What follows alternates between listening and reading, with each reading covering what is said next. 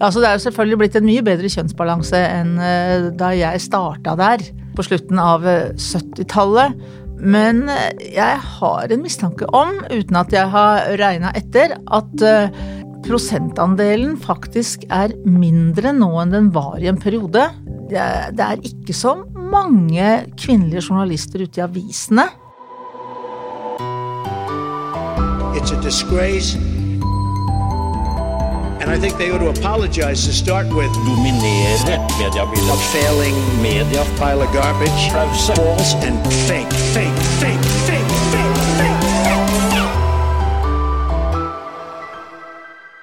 Hun er en levende legende innen norsk sportsjournalistikk, men denne høsten er det slutt fordi hun blir pensjonist. Velkommen til Pressepodden fra Medie24, Karen Marie Ellefsen. Tusen takk.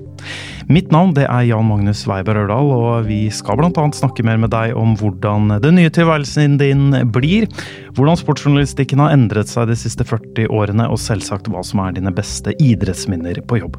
Men aller først, her er noen ord fra våre annonsører. Pressepodden presenteres av Amedia. Hver eneste uke når Amedia to av tre nordmenn med sin journalistikk og sine annonser. Amedia. Sikre deg tilgang på det beste innholdet fra mediebransjen. Bli plusskunde i Medie24. Nå er det én krone for én måned uten binding. Vi ses på medie24.no. Karen Marie Ellefsen, eh, aller først, eh, som vi nevnte i innledningen også. Du fylte 70 år i slutten av august, og da må du jo, som flere har fått med seg da nå, eh, etter NRKs regler, gå av med pensjon. Men observante lyttere og seere har jo sett deg på TV. Du, du jobber fortsatt? Ja, jeg får fortsette ut oktober. For jeg skulle fortsette til etter friidrettssesongen og få med meg den. Og så var det planlagt Diamond League da, i oktober. Nå er den avlyst, men eh, jeg får fortsette ut oktober allikevel. Mm. Litt tidlig å spørre om, kanskje, men har du lagt noen planer for eh, tilværelsen? nei, nei, jeg, nei, jeg har ingen planer i det hele tatt. Og det er jo en litt rar tid vi er inne i nå, så det er ikke så mye jeg får gjort. Jeg kan jo ikke reise, jeg tør ikke gå på treningssenter, jeg eh, tør nesten ikke gå tur. Jeg tør nesten ikke gå ut på gata. Jeg syns det er ekstremt slitsomt. Så det blir vel å sitte inne og strikke og se på dramaserier på TV. Uh, vi skal komme litt tilbake til også hvordan det blir å, å, um, å, se på sport som seer, og ikke være å kommentere det eller å, å, annonsere det. Men uh, jeg vil spole sånn 40 år, eller 41 år tilbake, faktisk, i 1979, da du fikk fastjobb fastejobb i NRK Sporten. Mm. Mm. og jeg, jeg, skjønner at du var faktisk den første faste ansatte kvinna, i, også i sportsredaksjonen. Mm. Da var det jo eh, generelt eh, sett selvfølgelig enda færre kvinnelige journalister i Presse-Norge i det hele tatt enn det det er nå. Hvordan var det å komme inn i en sånn mannsdominert verden som det jo i hvert fall var den gangen? Ja, det er ingen tvil om at jeg følte at jeg måtte bevise i større grad enn gutta at jeg dugde til noe. Og eh, jeg tror at de trodde ikke helt på at en jente kunne være så interessert i sport som det jeg var. Og så var de litt redd for publikums reaksjoner, tror jeg. Så eh, det første halve året jeg var frilanser, for det hadde jeg jo vært da et par år eh, før jeg fikk fast ansettelse. Men det første halve året jeg var frilanser, så fikk jeg bare jobbe med barneidrett. For det var ikke fullt så synlig. Vi hadde et program en gang i måneden som het Sporten, som var idrett for barn. Og den gikk jo før Dagsrevyen, og det var ikke så mange som så på den. Og så tenkte de vel litt sånn, tror jeg, at eh, ja, barneidrett det passer vel bra for damer. For det er ikke sikkert så mange reagerer på det. Men ehm, jeg følte jo det at jeg ble respektert ganske fort. Men ehm, da jeg ble ansatt, så var det en kollega som sa at ja, det er greit at hun er ansatt, men fotballen må holde seg unna. Så ehm, de følte sitt mannlige ego litt trua, da. De hadde jo oppdaga at jeg fiksa resten. Så noe måtte det jo være som de mannfolka klarte som ikke dette kvinnemennesket greide. Men du, du, nevnte jo der at du, du, følte at du måtte i større grad på en måte bevise at du dugde. Eh, hvordan eh, gjorde du det, nær sagt? Var det liksom bare å jobbe enda hardere, forberede deg enda bedre? Kan du si noe om det? Nei, Det vet jeg ikke akkurat, men jeg hadde det jo i meg at jeg skulle forberede meg veldig godt. Og så hjalp det meg nok litt det at jeg hadde jobbet en stund der som frilans produksjonsassistent både i Dagsrevyen og Sportsrevyen før jeg begynte å lage reportasjer. Så jeg kjente jo de gutta fra før. Og jeg hadde jo lært ganske mye om eh, hvordan TV-reportasjer ble laget, og lært mye om TV-mediet, så det hjalp meg nok litt. Så eh, ja. Mm. Um, vi var jo inne på det her, en ganske mannstung, mannsdominert verden, i hvert fall på den tiden. Eh, og det var jo eh, norsk sportsjournalistikk i, i mange år også. Jeg har tidligere bakgrunn som sportsjournalist sjøl, husker tidlig 2000-tallet var ganske Det var først og fremst, i hvert fall eh, enkelte redaksjoner, det var veldig, veldig overvekt av menn. Nå er det jo blitt en bedre kjønnsbalanse, i hvert fall sånn som det kan se ut, eller?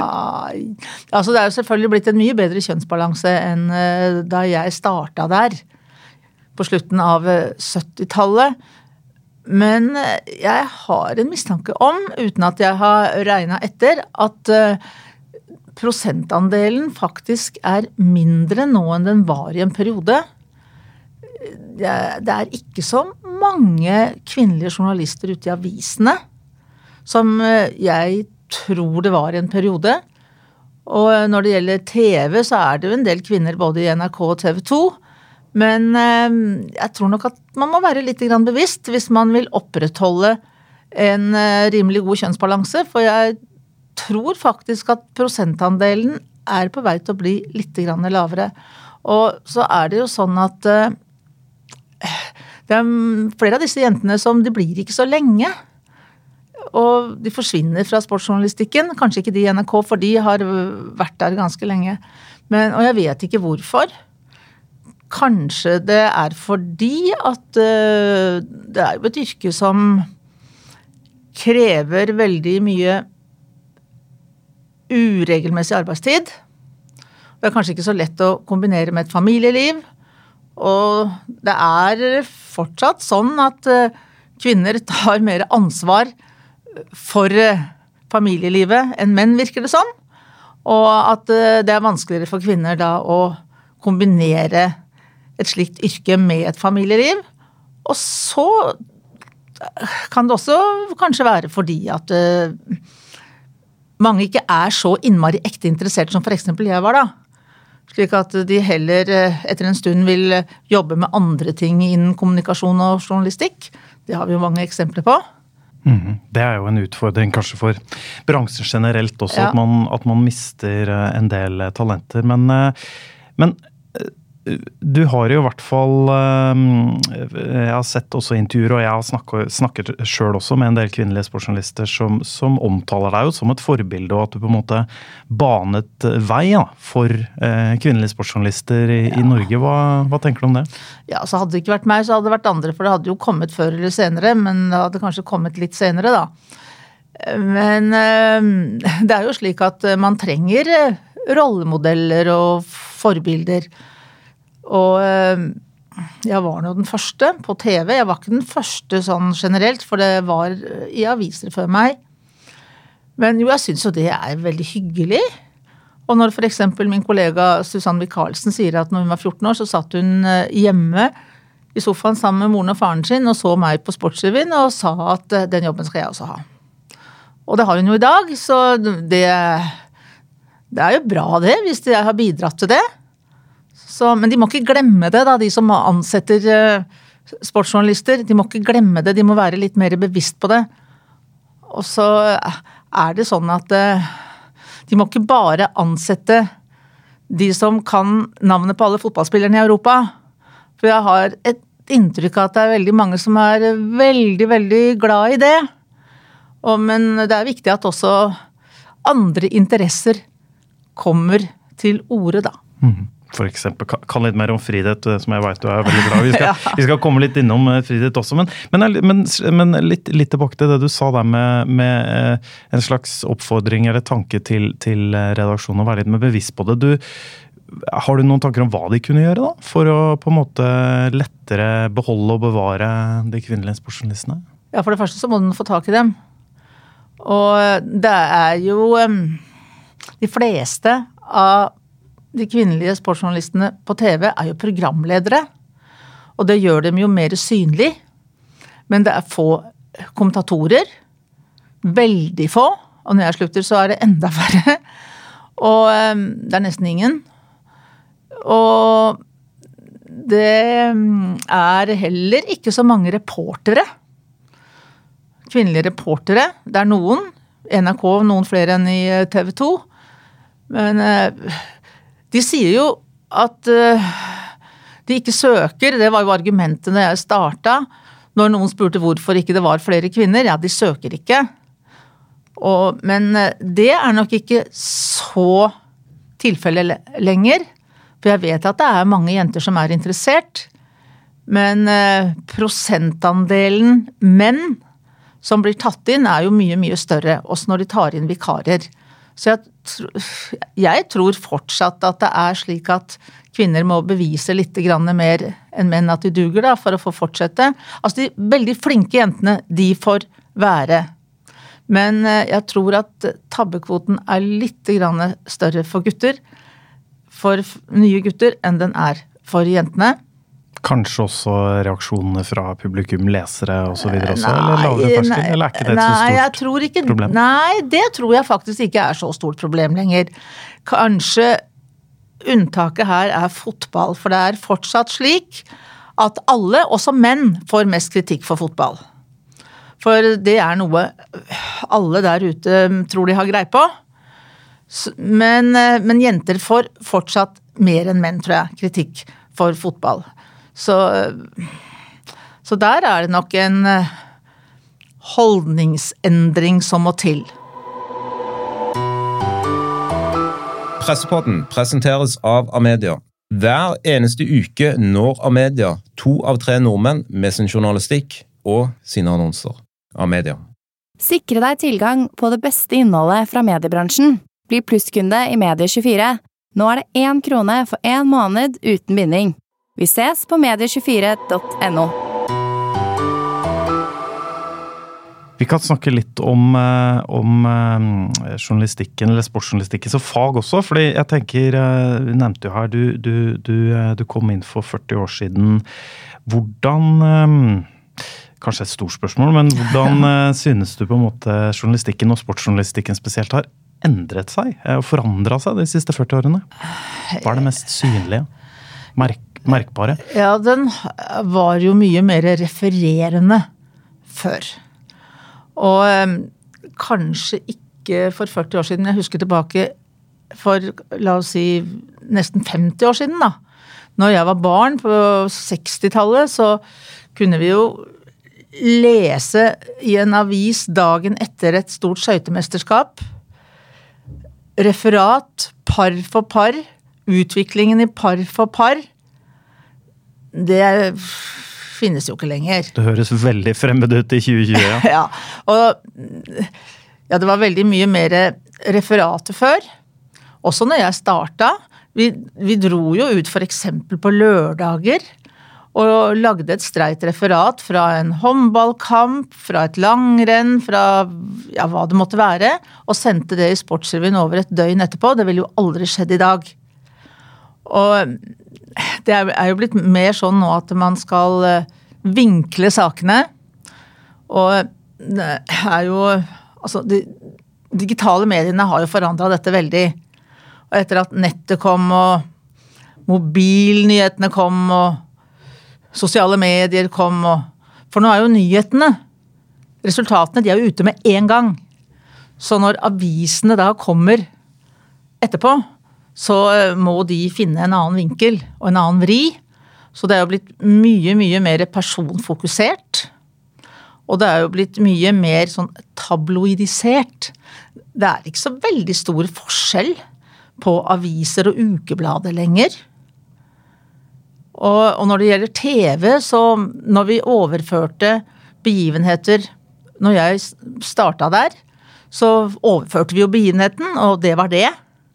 Men eh, nå pakker vi det jo inn med reportasjer, med intervjuer. Vi har live-intervjuer nesten alltid på de eh, store stevnene. Og ja, på alle verdenscuprenn. Nesten, i hvert fall. Så det er jo en veldig, veldig stor forskjell. Og så er det jo blitt eh, mye mer sånn Mye mer historiefortelling. Altså man tar tak i historier om mennesker. Og, eh, og det gjelder jo både aviser og TV. Så det har vært en stor forandring. Litt interessant det du sa der med at det, For det har jeg hørt andre også si, nemlig påpeke, egentlig som litt kritikk mot sportsjournalistikken, at det er ikke så stor forskjell på, på det som står eh, det på sportssidene eller Se og Hør eller så tabloid, Nei. eh, de veldig tabloide ukebladene. Men, ja, men det gjelder ikke bare sportsjournalistikk. Nei, nei, nei. Det gjelder jo all journalistikk. Men jeg tenker det er, det er kanskje enda mer sånn eh, eh, talende i sportsjournalistikken, siden som du nevner her at tidligere var veldig sånn resultatbasert, men nå er det kanskje mer personorientert. Tenker du det er Altså Sportsjournalistikken har jo Det har vært en debatt som kommer opp tidvis eh, her også i Norges historiene med at den ikke er god nok journalistikk. Da, At det blir for juballong og det blir sånn. Og så har jo eh, flere NRK og TV 2, VG også de siste årene spissa den litt gravende journalistikken sin på sporten. Ja. Syns du Ja, det har de jo gjort veldig. I, eh, kanskje særlig i TV-bransjen. Eh, Avisene var kanskje litt mer flinke til det før òg. Men eh, det syns jeg de gjør en veldig god jobb på. I hvert fall i NRK. Men Skulle du ønske at det var litt mindre personfokusert, kanskje? Nei, nei, det er jo Nei. Altså, det gjenspeiler jo den tiden vi lever i. Og så er jo alt mye kjappere nå. Og, og det har ikke så lang levetid. Journalistikken har jo ikke så lang levetid heller. Et, etter at eh, internett kom og sosiale medier kom, så skal jo alt være kort og kjapt. Og så syns jeg man er ganske flinke til også å ta vare på den gode historien. Altså, de har jo en serie, eller har jo en type reportasjer på nettet i NRK som de kaller for XL-stoff. Hvor de virkelig bretter ut historier om eh, fenomener, om ting eller om personer. Så det er ikke bare overflatisk journalistikk eh, nå heller. Så er blant annet Kollegene dine hadde jo den, fikk jo mye oppmerksomhet, denne serien med hva var det, sånn formelen for en gullmedalje, eller oppskriften til en gullmedalje, eller sånn. Baksiden bak medaljen, tror jeg Mm, den det var det vel, ja. Mm. Den fikk jo, Det var jo sånne Excel-er med Det gikk jo også dokumentar på TV, men, Ja, ja. men der òg var det en sånn lang Mm. Ja. Um, litt i samme spor, egentlig. Du, du var jo, Vi var snakka litt om dette med at du, du det, forberedelser er viktig for deg. Jeg, Ja. la merke til under eh, den siste Diamond League-sendinga dere hadde med, i, fra Doha, så Mm. fikk du eh, skryt av, av kommentator Jan Post som sa det at det var noe av det han tenkte på først når det gjaldt deg, var Ja. eh, profesjonaliteten din og den, de veldig grundige forberedelsene. Eh, Slurves det litt for mye i eh, Nei, men- bransjen? Eh, Nei, det vet jeg ikke. Eh, Og jeg tror alle forbereder seg. Men jeg er en person da, som trenger å forberede meg mye. Og det gjør jo Jan Post òg. Forbereder seg mye, han òg. Og det gjorde ikke minst Knut Bjørnsen. Så altså 75% av jobben er forberedelser.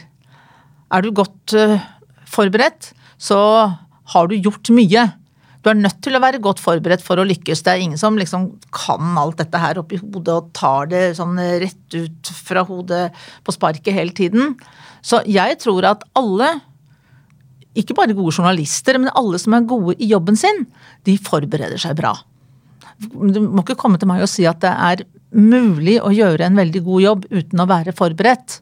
Det er et eh, Det tror jeg de fleste vil være helt enig i, egentlig. Eh, eh, litt eh, mer eh, Eller litt mer idrett. Det selvfølgelig snakker vi jo idrett når vi har deg som, eh, som gjest. Altså 2020 skulle jo være et fantastisk år for alle oss som er glad i idrett. Det er jo liksom sommer-OL, det skulle være fotball-EM for menn og friidretts-EM Mm. osv. Og så ble det jo ikke sånn. Nei, dessverre gjorde og det Og så var jo dette da tilfeldigvis siste året du var i full jobb også. Hvordan har det året vært for deg? Eh, Nei, altså jeg må jo bare tenke bort eh, det at det ikke ble OL, jeg skulle jo vært der. At det ikke ble EM i friidrett. At det ikke ble Diamond League på den måten som det kunne vært. Det har jo vært noen Diamond League-stevner, men eh, vi har jo ikke fått lov å reise på noen. Og så det har jo vært veldig amputert. Og nei, det er jo mange som har hatt det mye verre i denne tida enn det jeg har hatt. Så jeg syns det er litt sånn ekkelt å skulle klage på det. Og jeg er jo glad så lenge jeg får være frisk. For jeg er jo veldig redd for å bli smitta da. Men jeg har nå klart meg så langt, og det er det viktigste. Men det er klart at det er jo kjipt at det ble sånn. Og ja, det er på en måte ikke så veldig mye mer å si om det. det vi skulle hatt en fantastisk sommer med mye flott friidrett. Og det ble det ikke noe av. og Det er, det er kjipt, men jeg, jeg, går ikke rundt og tenker på det hele tiden. For uh, du får ikke gjort noe med det. Så å bruke energi på det du ikke får gjort noe med, det prøver jeg å la være. Forhåpentligvis kan du kanskje se OL, i hvert fall, som, eh, som, eh, som TV-seer neste år, kanskje, hvis de, ja, hvis de, får det til. Jeg er ja, litt skeptisk er, til det. Men, ja. jeg, jeg, er litt skeptisk til det òg, faktisk. Mm, det, tror jeg, det, tror jeg, det er mange som, som er. Eh, eh, men eh, apropos dette med OL, du fikk jo eh, dere markerte jo da eh, det på NRK i, tidligere i sommer at det var 40 eh, år med sommer-OL. Mm. Eh, jubileumsprogrammet som du leda. Mm. Og der skjedde det jo noe som har fått en del oppmerksomhet. det vet jeg du har svart på og snakka om mye, men jeg, jeg må bare spørre allikevel. For de, for de, som ikke med en gang husker det, så var det jo statsminister Erna Solberg og kringkastersjef Tor Munn Eriksen som kom inn. Delte ut kongens fortjenstmedalje ja. til deg på, på, direkten. Du var helt uforberedt. Jeg var helt ja. uforberedt. Ja, ja, jeg var, ja, ja, jeg var helt uforberedt. Jeg visste at Tor Gjermund skulle komme, fordi at det hadde de sagt, men de hadde prøvd å selge det inn til meg da, med at det, ja, samme, samme, ettermiddagen så sa de det til meg at ja, Tor Gjermund kommer innom en tur, for han har kanskje noen nyheter om rettigheter. De sitter i et møte nå, og det kan hende at han har noe til oss. Så han kommer innom da. Og jeg var så stressa den dagen, for eh, plutselig så var det en gjest som meldte avbud, og vi måtte finne en ny gjest, og det var liksom litt sånn. Så jeg tenkte ikke så mye mer over det. Ja ja, jeg får jo stille han noen spørsmål om det, da, liksom. Og så prøvde jeg liksom å spørre utover ettermiddagen ja, vet dere noe mer nå, hva er det som skjer og sånn. Nei, nei, jeg vet ikke sånn og sånn. Men så begynte jeg nok liksom å tenke litt på at å, kanskje han skal, han skal gjøre noe tull mot meg. Men jeg tenkte jo ikke lenger enn at ja, kanskje han skulle gi meg en blomsterbukett og si noen ord. Men da Erna kom, da holdt jeg på å få sjokk. Skjønte, hvor lang tid tok det før du faktisk skjønte hva, som, hva det var? Nei, det skjønte jeg jo ikke før Tor Gjermund sa det. Ja. ja. At vi har fått en, et oppdrag fra hans Majestet Kongen. Nei da, nei, da, ble jeg helt målløs. Da visste jeg ikke hva jeg skulle si. Jeg syns jo det var litt sånn pinlig, og det er selvfølgelig det er en stor ære, og jeg setter jo pris på det, men eh, jeg tenkte at herregud, hva sier folk om dette her, og dette, jeg fortjener jo ikke dette her, og så mange andre som har fortjent det bedre enn meg, og hva er dette for noe, liksom? Men hva er det folk har sagt, da? da tilbakemeldinger? For jeg, jeg vet, Du har jo sikkert fått mange tilbakemeldinger ja, generelt de siste fått, ukene nå? Ja, da, jeg har fått veldig mange tilbakemeldinger. Alle har, eh, alle har eh, vært hyggelige. Jeg tror som Rent bortsett fra én, tror jeg, som sto på sosiale medier at det, eh, det var noen andre som heller burde hatt det. Men, men ellers så har det vært en overveldende positiv reaksjon. Veldig, veldig, veldig positiv reaksjon. Kanskje mye større enn jeg hadde venta. Mm. Vi skal snart gå inn for landing i, i podkasten her. Um, men jeg har lyst til å uh, spørre deg uh, litt om um, Det er også et spørsmål jeg har sett du har uh, svart på, om du har sikkert tenkt mye på også. Hvis du skal nevne noen av de største idrettsøyeblikkene du har opplevd på, på, på jobb for NRK, da. Det blir jo siden ja, siden OL i 1980, da, f.eks. Ja. Hva ville det, det være? Det var ikke så mange store idrettsøyeblikk i OL i 1980. Når, men, ikke, for, ikke, med norske øyne, med norske øyne, men eh, det var en stor opplevelse for så vidt for meg. fordi at det var jo det første OL-et jeg var på. Og eh, jeg ble vel sendt dit sånn nærmest som lærerjente. Eh, nei, altså det er Jeg har jo da vært så heldig og fått være med på alle sommer-OL siden 1980. Og det har jo vært store opplevelser hele veien. Det er jo det største. altså Det er jo ikke noe som er større enn sommer-OL. Og aller størst har det jo selvfølgelig da vært å få lov å kommentere noen norske gullmedaljer underveis, da i friidrett. Og så Jeg har jo kommentert alle friidrettsmesterskap. EM, VM og OL siden 1986. Så kommenterte jeg jo en del turn i mange år, og det var også store begivenheter. For meg. Jeg likte veldig godt det. Men, øh, men hvis jeg skal trekke frem én eneste begivenhet som høydepunktet, så må nok det bli OL på Lillehammer. For øh, det var jo øh, Som helhet, egentlig. ja, det var, jo, altså det var jo 16 magiske dager. Det var fint vær, det var stor norsk sportslig suksess. Og, og, og dette bølgende havet av begeistring i rødt, hvitt og blått. Det publikumshavet som var inne i den regionen hver eneste dag. Det var jo en av toppsjefene i eh, i EBU, altså den europeiske kringkastingsunionen, som, hadde, som sa til min daværende sjef under OL i Nagano at Lillehammer hadde ødelagt vinter-OL. For det kom aldri til å bli makan igjen. Og eh, det var, eh, det var jo en fantastisk opplevelse, og noe som alle var engasjert i, egentlig. Også de som var imot OL fra før, tror jeg likte disse 16 dagene på Lillehammer. Og vi visste at det var once in a lifetime. Så, så det er nok det største jeg har vært med på. Ja, jeg merka jeg fikk gåsehud Ja. bare nå. Jeg var, Ja. der, jeg var der som tilskuer. Ja, og ja du får gåsehud av det. Fikk, eh, det, tror jeg de, de som eh, husker også vil, vil, vil være Mm. enig i. Em, og så nevnte du det litt i stad, men nå skal du jo da Kanskje det blir OL neste år, det, det vet vi jo ikke. Kanskje også friidretts-EM og VM. Det er vel litt usikkert hvordan det, Ja, det, også skal løses. Men ja, det blir jo ikke noe, altså EM i friidrett i Paris er avlyst Ja, forever. okay, ja. Eller i hvert fall dette EM-et blir det ikke noe av. Og, og VM er jo da neste år, som eh, skulle vært eh, neste år i eh, Oregon i USA. Det er eh, utsatt til 2022.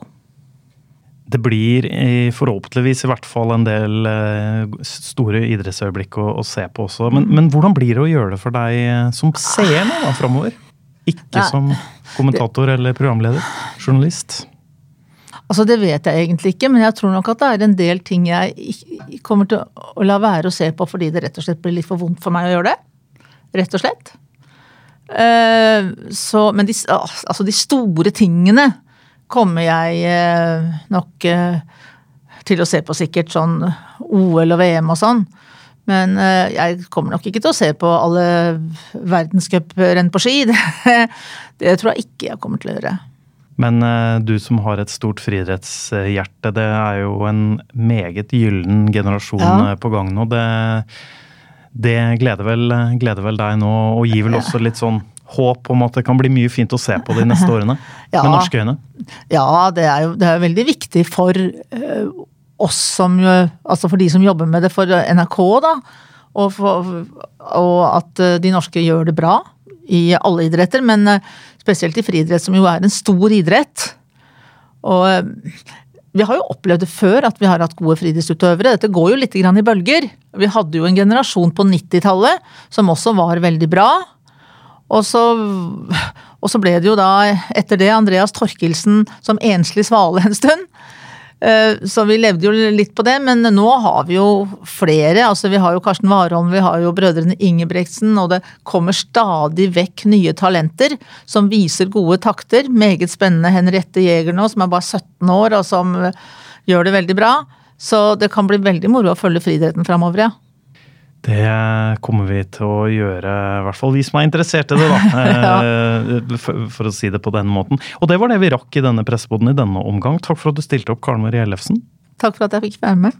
Og takk til deg for at du lyttet på. Redaksjonen i Medie24 den består av ansvarlig redaktør Erik Votland, Ingvild Fylling, Even Hye Tebarka, Endre Simensen og meg, Jan Magnus Weib Rørdal. Og som alltid, teknisk ansvarlig var solide Sebastian Manrikes. Vi høres igjen i neste episode.